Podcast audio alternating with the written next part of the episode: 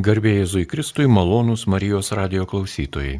Tęsime pažinti su katalikų bažnyčia visame pasaulyje. Ir ne vien katalikų, bet ir katalikų tų šakų, kurios yra vadinamos žodinė tradicija rytų apieigų bažnyčios. Jos taip pat yra Romos katalikų bažnyčios sudėdamoji dalis. Gera proga prisiminti kunigus ir vienuolius ir vienuolės seserys misionierius, kurie savo gyvenimą paukojo ne vien savo artimiesiems, draugams, pažįstamiems, giminaičiams, tėvams, broliams, bet ir tiems, kurie daugelį tradicijų buvo laikomi svetimi, o gal ir kokie tai nepažįstami, o gal ir net neverti, nėra ko slėpti tų žodžių. Kartais mes teisėme. Šiandien gera proga atsiteisti. Ir šioje laidoje mums apie kunigus misionierius, kuriuos asmeniškai pažinojo, su jais kartu dirbo, gyveno, dalinosi duoną ir džiaugsmu ir rūpeščiu, pasakos kunigas jėzuitas tėvas Antanas Saulaitis. Jį kalbina Liutauras Serapinas ir aš sveikinuosi su gerbiamu kunigu Antanu, garbė Jėzui Kristui. Per amžius. Taigi, jėzuitai, saleziečiai, marijonai ir kiti vienuoliai bei dieceziniai kunigai, kurie ryžosi tapti misionieriais, išvykti iš patogių parapijų, atsidavė šaukimui bažnyčios eiti ir evangelizuoti visus pasaulio kraštus. Kunigai, jūsų draugai, bičiuliai, jūs esate vienas iš tokių misionierių. Kaip šiandien gyvenate, tėve Antanai? Džiaugiuosi labai progą pasakoti apie vyrus, moteris, kurie misijose dirbo arba tebe dirba ir mums padeda pažinti tą visuotinę bažnyčią. Tai čia yra visa įdomybė. Ne tik per radiją, bet per parodėlės ar kitus būdus, kitus susitikimus. Taigi antrajam pasauliniam karui pasibaigus ir prieš jį daug kunigų ryžosi keliauti. Tiesiog chronologiškai, taip kaip jūs juos esate atsiminęs, surašęs, Pabandykite mums dar kartą priminti šių nuostabių vyrų ir moterų, šių nuostabių Lietuvos tautos vaikų, katalikų gyvenimą. Kunigas daktaras Leonas Lukošiūnas, pravardė Lumas. Kas jis toks? Jis yra vienas iš, tų, iš tokios knygos, kunigo Jono Burkaus knygos apie pietvakarių lietuvius kunigus, pietvakarių jungtinių valstybių. Kaip sakau, jų buvo 18 ir jie atsirado jungtinėse po karo, buvo tie, kurie iš Lietuvos išsiųsti, būdami klerikai, paskui išventinti vakaruose, išsiųsti į Aikštetą, arba jau būdami kunigai išvyko karo metu iš Lietuvos ir atsirado jungtinėse, o jungtinėse tuo metu buvo virš 120 lietuviškų parapijų, vienu iš tų mes augome Ir jos visos turėjo užtenkamai lietuvių kunigų jau gimusių jungtinėse. Tai kunigai turėjo ieškoti darbo kitur. Ir jie, kiek aš matau, būrėsi vienoje Mišigano valstijoje, kur vėliau buvo vyskupas Salatka, turbūt vienintelis lietuvis vyskupas gimęs Amerikoje. Ir tada pietvakarių jungtinėse Arizonos, New Mexico valstijose, netoli Meksikos valstybės ir pasauliečiai kunigai ir dirbo vietinėse vyskupijose. Ir jūs visus jungia ne tik tai tą geografiją, bet jų sugebėjimą žiūrėti tos kultūros žmonės ir su jais dirbti, tomis sąlygomis dirbti. Milžiniškose parapijose, įvairiuose kultūrose, čia buvių kelių rūšių indienų, tautų indienų ir meksikiečių kilmės ir paskui eilinių amerikiečių. Ar galėtumėte dar grįžti porą žodelių apie tą vienintelį tuo metu lietuvį vyskupą Junktinėse e, valstijose vyskupą Salatką? Kas jis toks? Jis Amerikoje gimęs, kaip tik Mišigano valstijoje, ten yra prie Grand Rapids, yra vienos viskupijos sostinė. Tai jis aišku buvo viskupijos kunigas ir pamažu tapo tos viskupijos vyskupu ir negalėjau pilnai sumedžioti, neieškojau taip smulkiai, kad jis sugebėjo globoti įvairius kunigus, kurie atvyko iš kitur. Ir viskupija buvo palankiai imigrantam, nes kiti, ne, kaip mes žinome, yra žmonių, kurie nemėgsta imigrantų. Įskaitant, kad ir būtų kunigai ar kokie nors kiti. Tai tas buvo ir jungtinėse arba tebėra kai kur. Tai Mišigane žmonės kunigai jautėsi saugus ir galėjo buvo priimti ir paskui iš tenai kai kurie įsisklaidė kitur. Kur palaidotas vyskupas Salatka? Palaidotas yra Grand Rapids, Mišigane ir jis toks tylus, ramus, nedidelio ūgio, ne, ne kažkoks milžinas. Nu, prieš mirdamas, aišku, stebėjosi, kiek jis turi sutaupęs pinigų per gyvenimą ir juos visus paliko lietuvių katalikų religiniai šalpai, kurios būstinė New York'e ir kuri ištikimai paremė Lietuvoje vairiausius projektus religinius ir socialinius projektus. Ir didelė dalis to nuopelno yra jo, kadangi jis stambę sumą įnešė gan anksti istorijoje ir įgalino drąsiai remti Lietuvos įvykius, nors ir Lietuva jau nepriklausoma ir stojasi ant kojų, bet religinė šalpa nenustoja padėti. Ar šis viskupas kalbėjo lietuvių kalbą? Tai žinoma, kalbėjo. Taip. Broliai seserys jo giminės dar iki šiol gyvena Junktinėse valstijose? Tikriausia.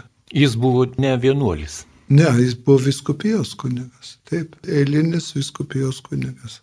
Malonus radio klausytojai, jūs girdite laidą apie kunigus misionierius.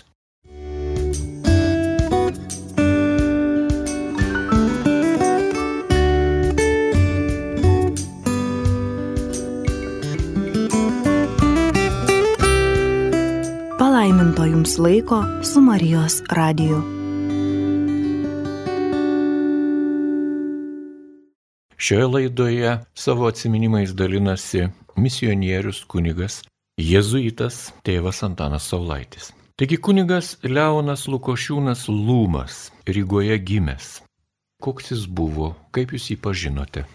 Aš asmeniškai jo nepažinau, grinai tik tai apie jį ir tuos kitus kunigus skaitydamas. Ir buvo labai išsilavinęs žmogus ir įvairiausiais būdais ten patarnaudavo gan plačiai. Man atrodo, kad jis įėjo ir į viskupo, viskupijos kūriją, sudarė viskupijos senato taisyklės, kas yra tais laikais, negir, nebūdavo šitų dalykų kunigų senato ar kito vieneto. Tai jis sugebėjo tą padaryti ir išliko, išlaikė tą kažką naujo sugalvoti ir kas būtų veiksminga ir tikrai bažnytiniai tinkama. Ir aišku, domėjosi ir muzika, labai įsilavinęs žmogus, kaip dauguma šitų kunigėlių, kuriuo 18, kurie ten tarnavo. Paminėjote kunigų senatą. Ar tai lygų kanauninkų kapitulai ar panašiai? Aš tikrai nežinau. Neteko jungtinėse girdėti, kad būtų tiek naudojami tokie žodžiai. Čia juridiniai gal yra, o tas senatas tai, aišku, kunigų atstovai, kurie nu, su vyskupu tarėsi ir renkami yra. Kunigas misionierius iš Kėdainių krašto Leonas Jodeika. Kas jis?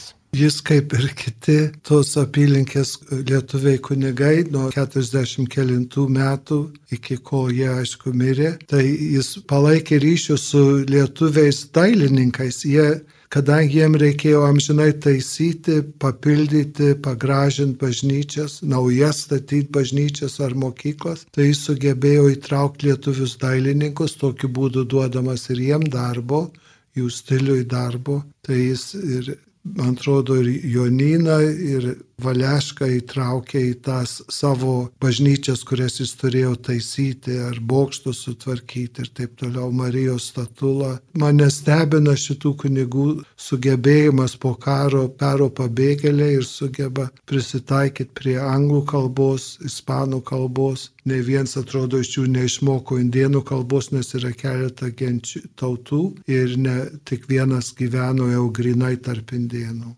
Kunigas Leonas Jodeika 1958 metais atsikvietė ir vyskupą Vincentą Brizgį iš Čikagos.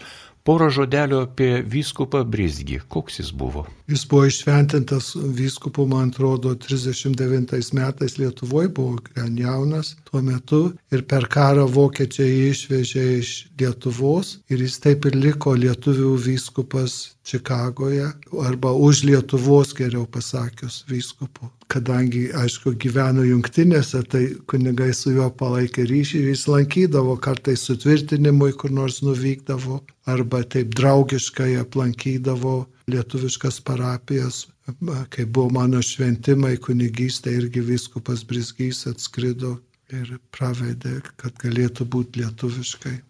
Po jūsų šventimo turėjote, na, puotą, pietus, susirinkote, sėdote prie stalo? Daugybę kartų, kadangi mūsų jezuitų veikla, kaip ir dauguma kitų vienuolijų, buvo įvairiose vietovėse. Ir studijų metu e, atlieki praktiką įvairiose vietose, jaunimo stovyklose, skautuose, dar parapijose kažką jaunimui, tai tada, kai išventina į kunigus, jau reikia nuvykti kartu atšvesti, pasidžiaugti. Toks interpas, inkluzas. Kaip manote, kodėl šiuo metu bendruomenės Lietuvoje stokoja va, to tokio papietavimo kartu po šventų mišių sekmadienį ar po kokių gražesnių iškilmių pasidėjimo prie stalo, aplink stalą, pajudėti, pašokti, padainuoti? Kodėl taip yra? Na, žinau, dabar pandemija mus vargina virš dviejų metų, bet gal yra, kad mes tiek užsiemę ir dvasininkyje visokiais darbais, kad nelieka to laiko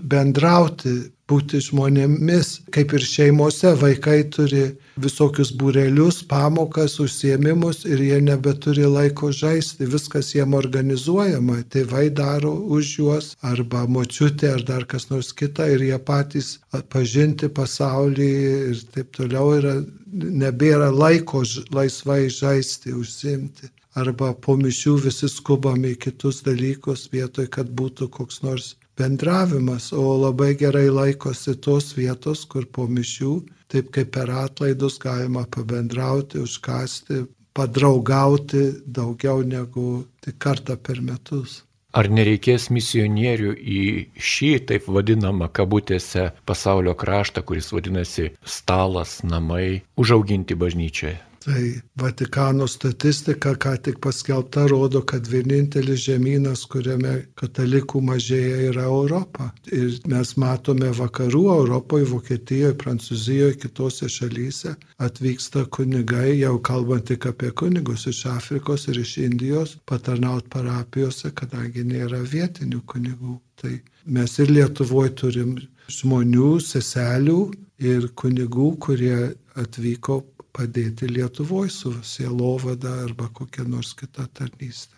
Labai viltingi ir labai gražų žodžiai, nes Europa tokia mažytė, o pasaulis toks platus ir tikrai turi tą daugumą padėti mažumai. Išlikti oriai ir gražiai tikinčią žemės vietą. Taigi šioje laidoje kunigas Antanas Saulaitis pasakoja apie misionierius kunigus. Kunigas Stasys Aleksėjus kilęs iš Skaudvilės. Porą žodžių apie jį. Tik tai galiu porą žodžių ir čia, bet yra būdinga apie jų daugumą arba vienas bendras bruožas šitų kunigų pietvakariuose yra, ką jie statė, statė vietiniu būdu, kaip meksikiečiai arba geriau pasakius indienai, iš nedegintų plytų. Toks klimatas, kad nereikia jų ten baisiausiai deginti. Jos pačios sudžiūsta ir paskui aptinkuoja ir gali laikyti šimtus metų. Ir tą darė kiti čia, jeigu mes skaitytume kiekvieno tų 18 gyvenimų, matytum, kad irgi jie neieškojo stebuklų, bet kas tai vietai tinka ir kas žmonėms suprantama ir ką gali vietinė žmonės padaryti.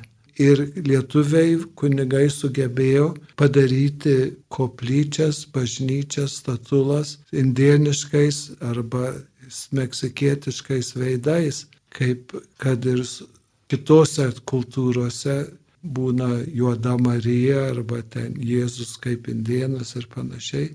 Tai čia jie sugebėjo irgi, kad būtų pagal vietinę kultūrą, ne atsivežtinę kad būtų žmonėms lengviau suprantama. Kalbant apie kunigą Stasį Aleksėjų, kuris dirbo El Paso viskupijoje 1949 metais, jūs paminėjote kitaip atrodančias mūsų šventųjų statulas ar paveikslus, sakykime, juoda Marija, juodo veido arba indieniško veido Jėzus. Kaip jūs pats į tai žiūrėdavot? Ar jums tai buvo labai priimtina, ar greit pripratot? kunigė tėvė. Aš nežinau, man labai aišku yra, kad Jėzus mirė ir prisikėlė už visus, arba Marija, kaip mes sakom, yra mūsų motina, tai žmogaus motina atrodo kaip jos vaikai. Tai visai nenuostabu, kad yra aprengta nebūtinai pirmojo amžiaus džydžių moterų apranga, bet su kitokiais apsiaustais ir taip toliau. Išvaizda aplinka kitokia. Taip kaip mes ir darom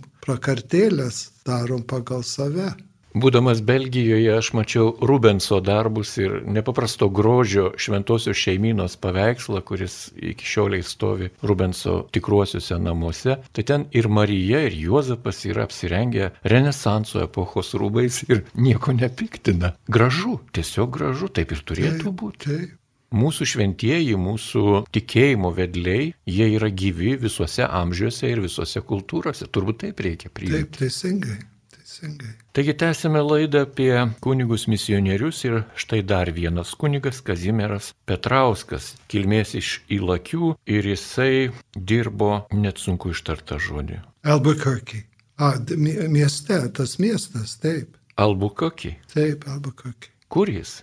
Jis yra New Mexico valstijoje ir jis yra geras pavyzdys istorijos. Dauguma jungtinių valstybių vyskupų rytuose, jungtinių valstybių rytuose buvo airių kilmės. Airiai 400 metų būdavo, buvo pjaunami anglų. Airiai katalikai. Ir buvo suvaržytas tikėjimas jų ir taip toliau, kol tapo laisvi 916 metais. Tai airiai nebeturėdavo procesijų, nes viešas dalykas, kaip sovietmetį bandė čia Lietuvoje ir kitur varžyti. Tai airiai viskupai negalėjo suprasti, kas yra šitie žmonės, jis, sakysim, atėję iš Meksikos ar meksikietiškos kultūros, jungtinėse, kurie būtinai nori daryti procesijas. Mums yra priimtina, o airiam jie negirdėjo apie tuos dalykus, svarbiausia nepatyrė, tai jiems buvo labai keista, o šičia kunigas Kazimieras Petrauskas vienas iš tų, kur ta žinojo, kad procesijos yra svarbios ir leido, ne, ne tik leido, bet ragino žmonės toliau renkti tas savo procesijas, eisenas ir tas neaiškiai tik eiti pėsčiomis, bet visas su vėliavom, su visokiais simboliais, statulom, ženklais ir taip toliau nu, kad žmonės dalyvautų, žmonės neteina į bažnyčią žiopsoti, jie nori veikti, daryti, ką nors gėdoti, e, muzikuoti, mušti ritmą tam tikrą ir visa kita. Tai čia jis jau yra vėl pavyzdys to, kas yra ta visuotinė bažnyčia.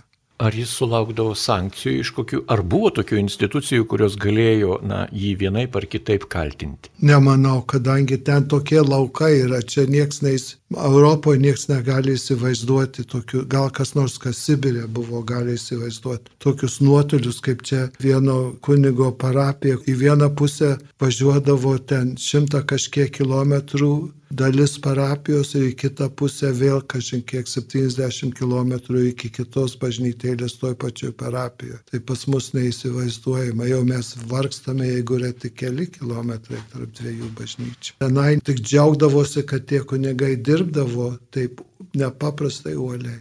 Žinot, Lietuvoje yra labai toks vienas ypatingai svarbus gyvenimo momentas, tai vadinamoji mirtis. Na, vadinamoji mes gyvename amžinai, mes esame katalikai, bet vis tiek mirtis yra. Tai ligonio patepimas arba liaudėje taip vadinamas, labai įspūdingai vadinamas sakramentas, paskutinis patepimas. Kaip tokiom sąlygom kunigui teikti tą ligonio patepimą arba viatiką? Ar tai nebūdavo daroma? Tai žinoma būdavo daroma, bet nebūdavo įmanoma visur atsiliepti, sus, suspėti į visas tas pusės.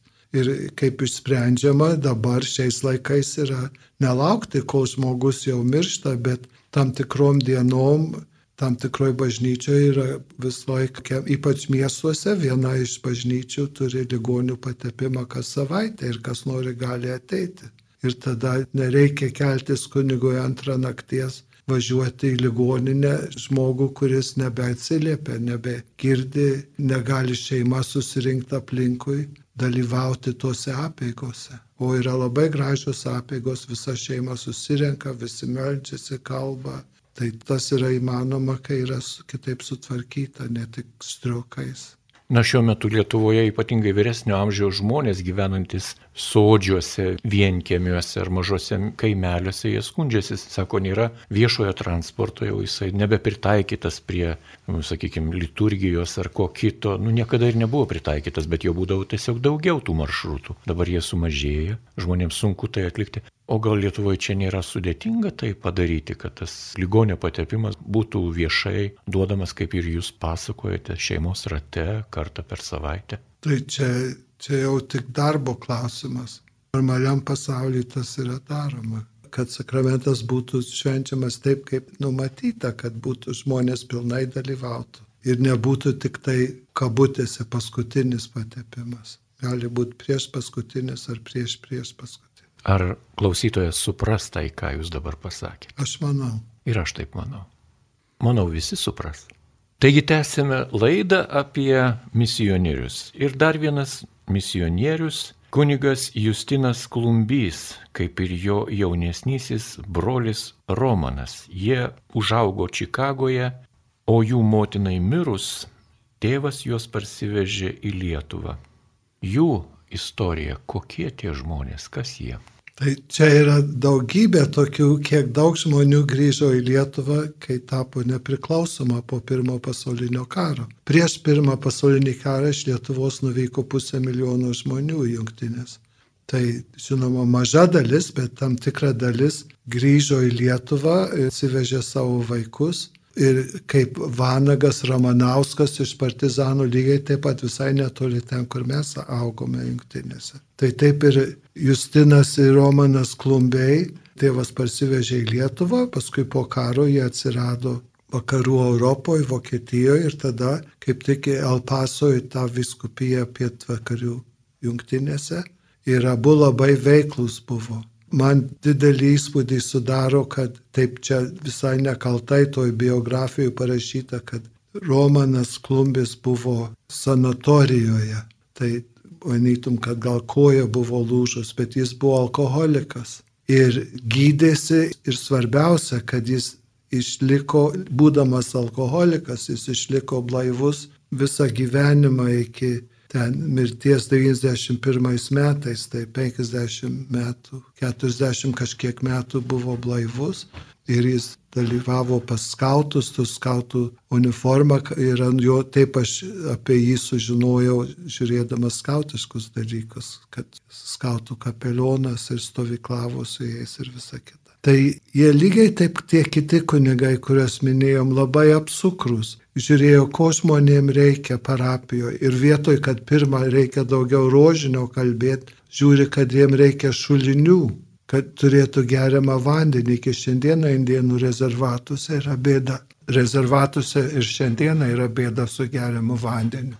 Tai rūpinosi visų pirma, kaip tuos šulinius išgręžti arba koplytėlės pastatyti. Pažindami savo žmonės žinojo, kad kartais kam nors užeidavo, neišklausydavo maldų, koks angelas sargas ar šventasis, tai ateidavo ir numuždavo statulai galvą, kad neišklausė.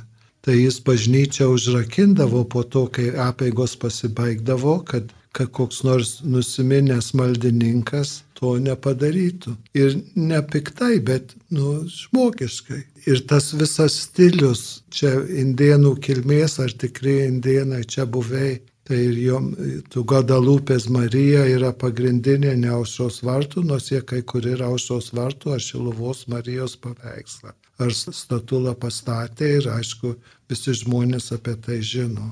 Ir juokinga yra, kad plumbis tokia keista pavardė, bet vietiniai gali suprato, kad jis Kolumbas, tas, kuris, kuris mano, kad rado Ameriką. Tai čia apie tuos du brolius klumbius. Ilgesnė istorija, bet man taip gražu, kad šitie pasauliečiai viskupijos kunigai taip uoliai ir moksliškai ir kultūriniai ir visa kita veikia, ne tik bet kaip ir didžiulius, milžiniškus nuotolius ir skirtingas kultūras palėtė.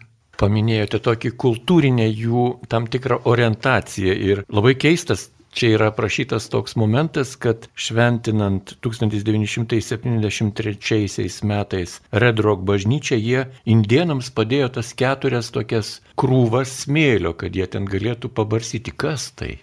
Čia paprotys yra tos keturios pasaulio kryptys. Nuo žmonijos yra skirtingos spalvos, ten geltona ir raudona ir juoda ir mėlyna. Tai labai svarbu tą pabrėžti ir kai ką nors šventinį turi į keturias pusės tą smėlį mesti į orą. Net nežinau, kaip kitaip taip pašventit vietoj, kad švestų vandenius, tos smėlį išmesti į viršų ir vėjas nupučia. Oi, tėvė Antanai, nesakykit, šitie dalykai dabar svarbus jau darosi. Šventintas vanduo mūsų bažnyčiose šiuo metu yra labai didelė retenybė, deficitų deficitas. Gal smėlio reikėtų įpilti šventinto į tas, tuos indėlius prie durų. Jau per gavėnę, kai nėra švesto vandens, ar per didžiąją savaitę, kai nėra švesto vandens, tai styti smėlį. Gera pamoka iš brolių indėlių. Keistų dalykų galima, žinoma, rasti bestudijuojant misionierių kunigų lietuvių katalikų pastangas įkrikščioninti, evangelizuoti įvairių tautybių asmenys. Manau, kad klausytojas supras, jog mes neironizuojame, o kalbame labai rimtai ir atsakingai apie tuos žmonės, kurie mums gali būti kaip žvaigždės tamsoje, rodyti kelią, Ir tokių žvaigždžių lietuvių tautoje buvo labai daug. Gaila, jos yra kažkaip atidėtos geresniems laikams pastudijuoti ir ką kita, bet šiandien kunigas Antanas Saulaitis, vienas iš jų misionierius, duoda puikią progą mums apie juos daugiau sužinoti. Kunigas Romanas Klumbys buvo vienas iš tokių ir jo brolis Justinas Klumbys buvo vienas iš tokių, kurie galbūt į mūsų dabartinį tikėjimo tradicijų tokį ritualą ir nebeitilptų, bet jie buvo. Taigi kunigas Antanas Bertašius, kilęs iš Stulgių, Junktinėse Amerikos valstijose taip pat dirbo. Kas jis toks?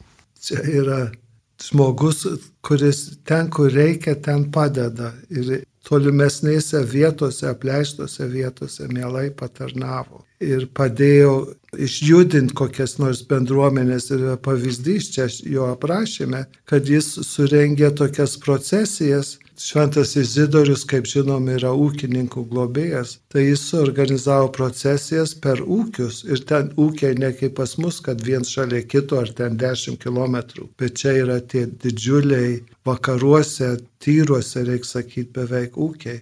Tai važiuoti per visą parapiją iš vieno ūkio į kitą ir sukalbėti rožinio dalį ir visą giesmės ir taip toliau. Suorganizavo tokiu būdu tą visą, tos žmonės įtraukti ir palaikyti jų genčių ir pažinčių ryšius. Tai vėl yra tas jautrumas žmonių kultūrai ir kaip ta sielovada gali geriausia tikti. Ir labai gražu, kad jis jau būdamas visai senas, 70 keliarių metų, jis lietuviam patarnavo dar 20 ar kiek metų lietuviškoje parapijoje netoli New Yorko, buvo be galo mylimas. Gana originaliai jisai surinkdavo iš įvairių ūkių fermerius, tuos žemdirbius ar gyvulių augintojus į maldą. Jisai į automobilį buvo įsistatęs skulptūrą, statulą, Izidoriaus bažnyčios viena iš tokių reikmenų ir tiesiog vežiodavo tą statulą. Tai primena mums irgi labai neseną istoriją, kuri prieš daugiau kaip dešimt metų vyko Lietuvoje, kai šventosios kūdikėlio Jėzaus Teresėlės, švenčiausio veido Teresės statulą Latvijai atsivežė ant labai prašmatnaus tokio visų reigio, nu, tikrai labai brangaus automobilio ir tiesiog žmonėms va taip va demonstravo tikėjimo jėgą, grožį, na ir taip kaip žmonės supranta. Keistų dalykų galima dabar išgirsti, bestudijuojant misionierius, kurie milžinišką atliko darbą visame pasaulyje. Kunigas Pranas Jokubaitis, Gelgaudiškis, iš Madrido emigravo į Kolumbiją, į Bogotą. Ką jis ten darė? Ar jūs jį pažinojot? Ne, gaila nepažinojau. Ir čia jau kita karta negu aš. Bet jis buvo kurį laiką Kolumbijoje ir paskui atvyko į šitą jungtinių valstybių pietvakarius. Bet tas reiškia, kad jis jau mokėjo ispaniškai, tai jis labai tiko, išmoko tada angliškai ir galėjau labai gerai patarnauti tuos apylinkės žmonėms, nes šitie kunigai, tie, kur arčiau upės pietuose, gyveno, dirbo, galėjo patarnauti Amerikos pusė jungtinėse, jungtinių žmonėms ir per upę Meksikos žmonėms. Jiems buvo lengviau pasiekti, patarnauti meksikiečiams Meksikoje negu iš pačios Meksikos kunigam per kalnus pervažiuoti ir paupį patarnauti tai jie persikeldavo per upę į Meksiką ir patarnaudavo, viskas sutarta, aišku, su visais viskupais ir vienais ir kitais. Tai jie laisvai angliškai ir ispaniškai visi kalbėjo. Tėve Antanai, na, neprimkite asmeniškai, bet kai jūs sakote, ne mano karto žmogus, 1960 metai, nu, ar nesarmata? Kad aš toks senas, ar taip, kaip? Taip. Jau turbūt nereikėtų taip sakyti. Turbūt, kad 60 metų žmogus jums per jaunas, jūsų kartai. Taip. Taip. Tęsime laidą.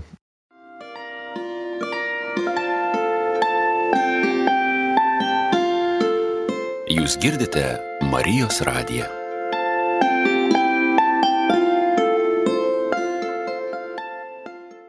Šiandien prie mikrofonų tėvas Antanas Saulaitis, jėzuitas, misionierius ir jį kalbiname apie kunigus, kurie taip pat kaip ir jo likimo žmonės tarnavo parapijose, dirbo ir saviems, ir nepažįstamiems. Taigi kunigas daktaras Povilas Ragažinskas, gimęs Joniškėlyje ir toliau jisai dirbo Čilėje ir kur kitur. Kas jis toks? Ir Teksuose dirbo. Dėstė universitete, labai daug skaitydavo kaip mokslininkas ir mum naudinga. Lietuvoje jis parašė knygą apie Igną Domeiką, tą garsų geologą Čilėje. Čilėje nebūdavo lietuvių, dabar yra visa lietuvių bendruomenėlė Čilėje su lituanistinė mokyklėlė. Bet svarbiausia, kad jis kaip mokslininkas jau galėjo parašyti kiek nors apie Domeiką, kad būtų labiau žinomas. Ir uolus, eilinės parapijos kunigas ir šalia to mokslininkas.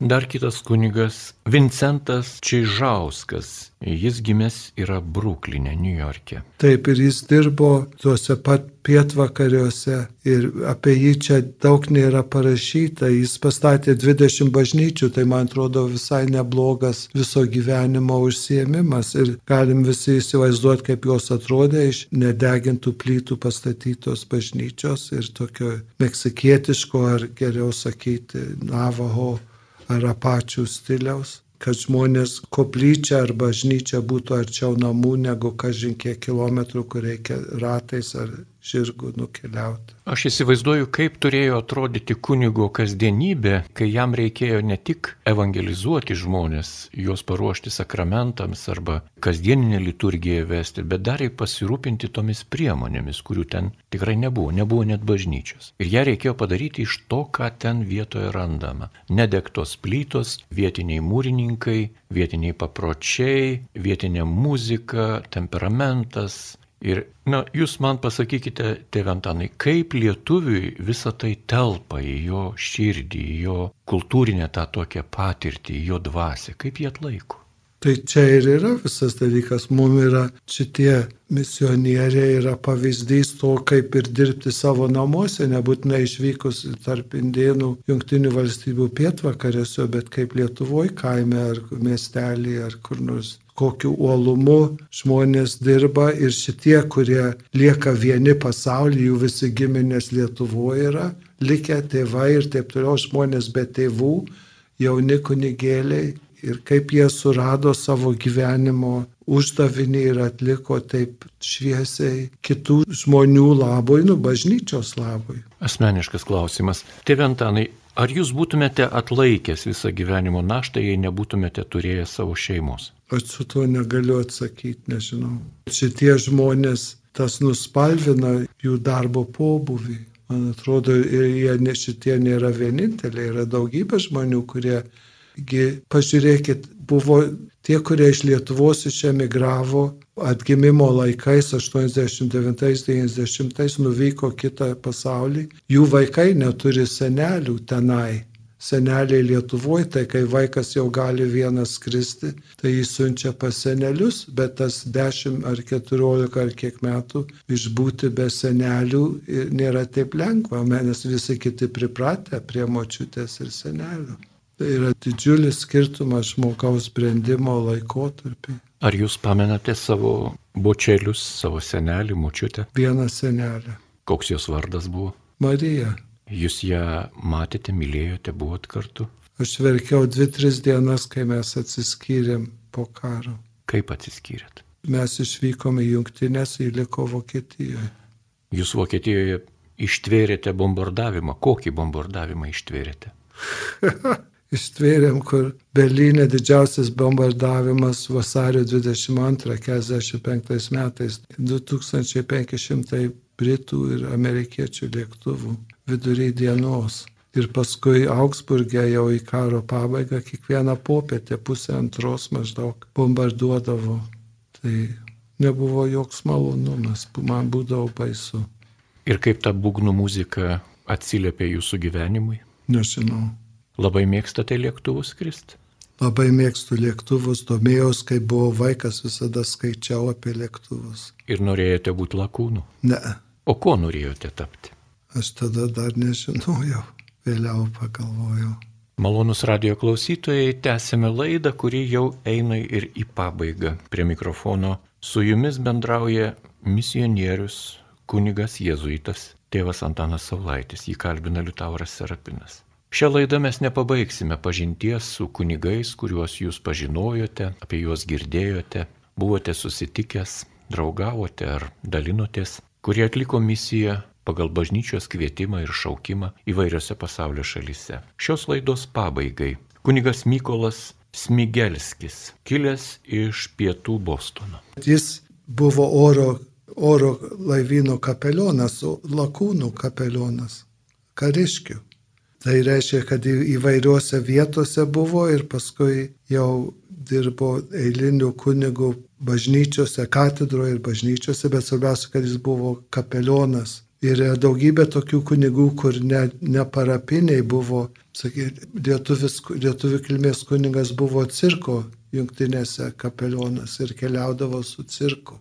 Dar kitas buvo Mockus, man atrodo, vakaruose. Paskui kitas buvo dar kažkokios kitos rūšies, tokių kaip cirko, karnavalo kažkokio irgi kapelionų. Visai neseniai mirė, aš dar iškarpą kažkur turiu apie jį. Tai kur nėra kokioj nors parapijoje, bet sukeliauja su žmonėmis, su keliaujančiais, sunkvežimiais važiuojančiais, arba kaip su cirku ar karnavalais ir aktoriais ir taip toliau.